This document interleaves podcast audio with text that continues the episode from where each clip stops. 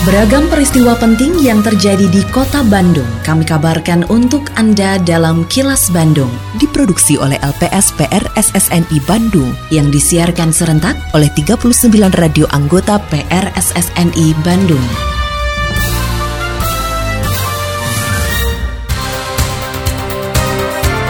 Sejumlah informasi aktual kami hadirkan untuk Anda dan inilah informasi utamanya. Pemprov Jabar bakal inventarisasi gedung pemerintah untuk kegiatan politik. Operasi pasar beras medium dinilai efektif stabilkan harga beras. PSSI Bandung gelar turnamen sepak bola U9 hingga U12. Saya Santika Sari Sumantri, inilah kilas Bandung selengkapnya. Pemerintah Provinsi Jawa Barat akan menginventarisasi gedung-gedung milik pemerintah yang boleh dan tidak boleh digunakan untuk aktivitas politik. Penjabat Gubernur Jawa Barat Bayi Mahmudin mengatakan inventarisasi diperlukan agar tidak salah tafsir serta untuk memudahkan masyarakat atau parpol jika akan menggunakannya. Menurutnya ada beberapa gedung milik pemerintah yang bersifat komersil sehingga bisa digunakan atau dimanfaatkan untuk aktivitas politik. Kemarin kami sudah rapat dengan KPU dan Bawaslu, nanti kami umumkan. Jadi ada akan ada kejelasan yang lebih pasti tentang gedung-gedung pemerintah yang boleh digunakan. Ya, karena ada gedung-gedung pemerintah memang komersil, itu kan boleh yang penting mendapatkan izin dari kepolisian dan juga Bawaslu pada saat tahapan pemilu nanti.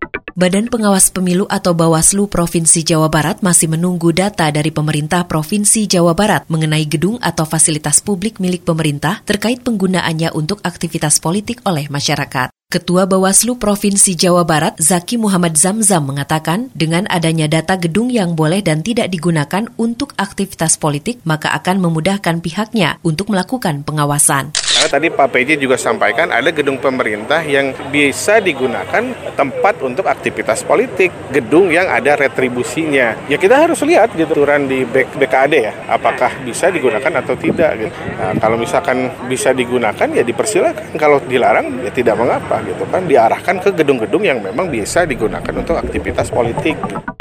Seluruh personil serta fasilitas yang dimiliki Kodam 3 Siliwangi dalam keadaan siap untuk mendukung pelaksanaan pengamanan pemilu 2024 yang tahapannya sudah dimulai pada tahun 2023 hingga Oktober tahun depan. Pangdam 3 Siliwangi, Mayor Jenderal TNI Erwin Jatniko optimis pelaksanaan tahapan pemilu 2024 di wilayah Jawa Barat akan berlangsung aman dan kondusif. Menurutnya, sinergi positif antara TNI, Polri, dan pemerintah Provinsi Jawa Barat menjadi modal dalam mewujudkan tahapan pemilu 2024 yang kondusif. Kodam 3 Siliwangi beserta seluruh jajaran siap mendukung pelaksanaan pengamanan pemilu yang akan dimulai tahapannya di tahun 2023 ini sampai dengan selesai di bulan Oktober 2024 dalam rangka pelaksanaan kegiatan pengamanan pemilu yang dilakukan oleh Polda Jabar. Karena kami di Kodam 3 Siliwangi juga tidak hanya mendukung pengamanan di Polda Jabar, tapi juga mendukung pelaksanaan pengamanan di Polda Banten.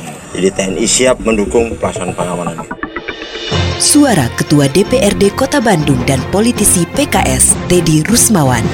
Ketua DPRD Kota Bandung, Teddy Rusmawan, menilai operasi pasar beras medium yang digelar oleh pemerintah Kota Bandung sebagai langkah efektif untuk menstabilkan harga. Menurutnya harga beras yang dijual operasi pasar yang lebih murah dibanding di pasaran sangat membantu masyarakat. Oleh karenanya ia mengapresiasi kolaborasi yang dilakukan Bank Indonesia, Bulog, dan kewilayahan. Politisi PKS ini berharap kolaborasi positif tersebut dapat terus berlangsung untuk membantu penyediaan beras dan komoditas kebutuhan pokok lainnya. Hal ini perlu dilakukan sebagai upaya menjaga stabilitas harga, terutama beras yang merupakan kebutuhan pokok masyarakat. Pihaknya juga mendorong pasar murah berbagai kebutuhan pokok masyarakat termasuk koordinasi yang baik dengan Bulog, pemerintah provinsi dan distributor, terutama menjelang Natal dan Tahun Baru. Ya, terima kasih juga kolaborasinya dari Bank Indonesia juga bantu terutama juga Bulog yang mensuplai. Mudah-mudahan kolaborasi ini bisa terus dilakukan, terutama kepada Bulog agar terus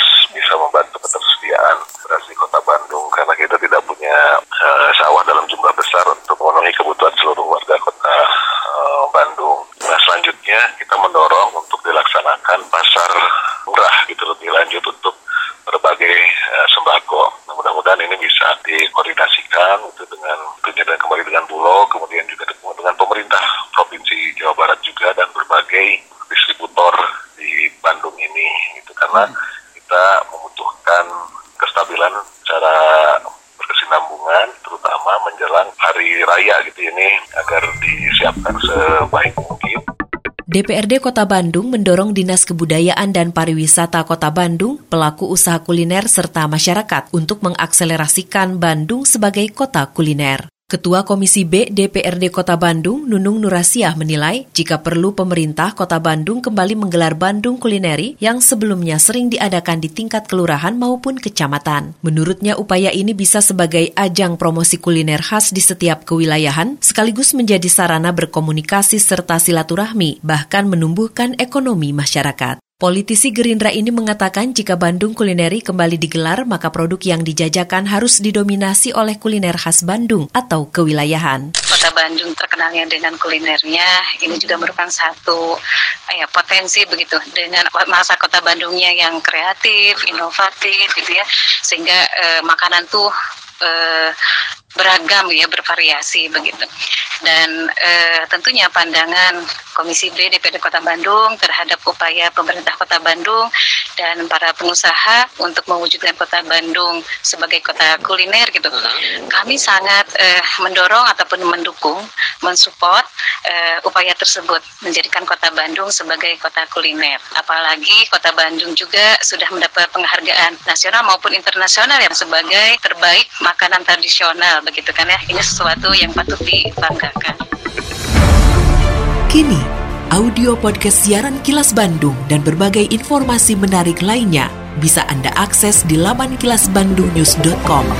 Selama sepekan terakhir, PSSI Kota Bandung menggelar turnamen sepak bola kategori U9 hingga U12 dalam rangka hari ulang tahun ke-79 TNI. Ketua PSSI Kota Bandung Yoko Angga Surya mengatakan turnamen sepak bola tersebut agenda yang rutin digelar dan sudah dua kali bekerja sama dengan Seskoad terkait peringatan hari ulang tahun TNI. Turnamen diikuti ribuan peserta dari 190 lebih tim sepak bola dan berlangsung di lima lapangan sepak bola di Kota Bandung. Menurut Yoko, turnamen bertujuan mencari bibit-bibit baru sepak bola asal kota Bandung untuk diorbitkan ke tingkat yang lebih tinggi dan profesional. Jumlah pemain itu 3.520 pemain, diikuti 192 tim, di, di, digelar di lima lapang.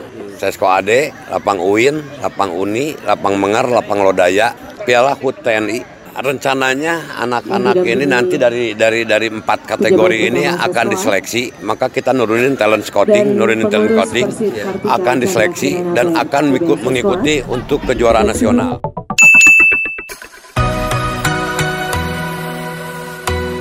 Wargi mengurangi sampah bukan hanya untuk lingkungan melainkan juga untuk masa depan kita dan generasi mendatang. Yuk kita terapkan gaya hidup bijak dalam mengelola sampah. Pertama, kamu dapat menghindari penggunaan barang-barang sekali pakai dan membawa tas belanjaan serta botol air reusable. Selanjutnya, penting untuk memilah sampah dengan benar, memisahkan organik, kertas, plastik, dan kaca untuk mengurangi beban tempat pembuangan akhir. Penting juga loh untuk berinvestasi dalam barang-barang berkualitas dan tahan lama agar bisa mengurangi jumlah sampah yang di dihasilkan. Jangan lupa, daur ulang juga jadi kebiasaan yang penting untuk diterapkan dari kertas hingga barang elektronik. Yuk bagikan pengetahuan dan menginspirasi orang lain untuk ikut serta dalam usaha mengurangi sampah. Bersama, kita dapat menciptakan kota Bandung yang lebih bersih, hijau, dan nyaman. Pesan ini disampaikan oleh Dinas Komunikasi dan Informatika Kota Bandung.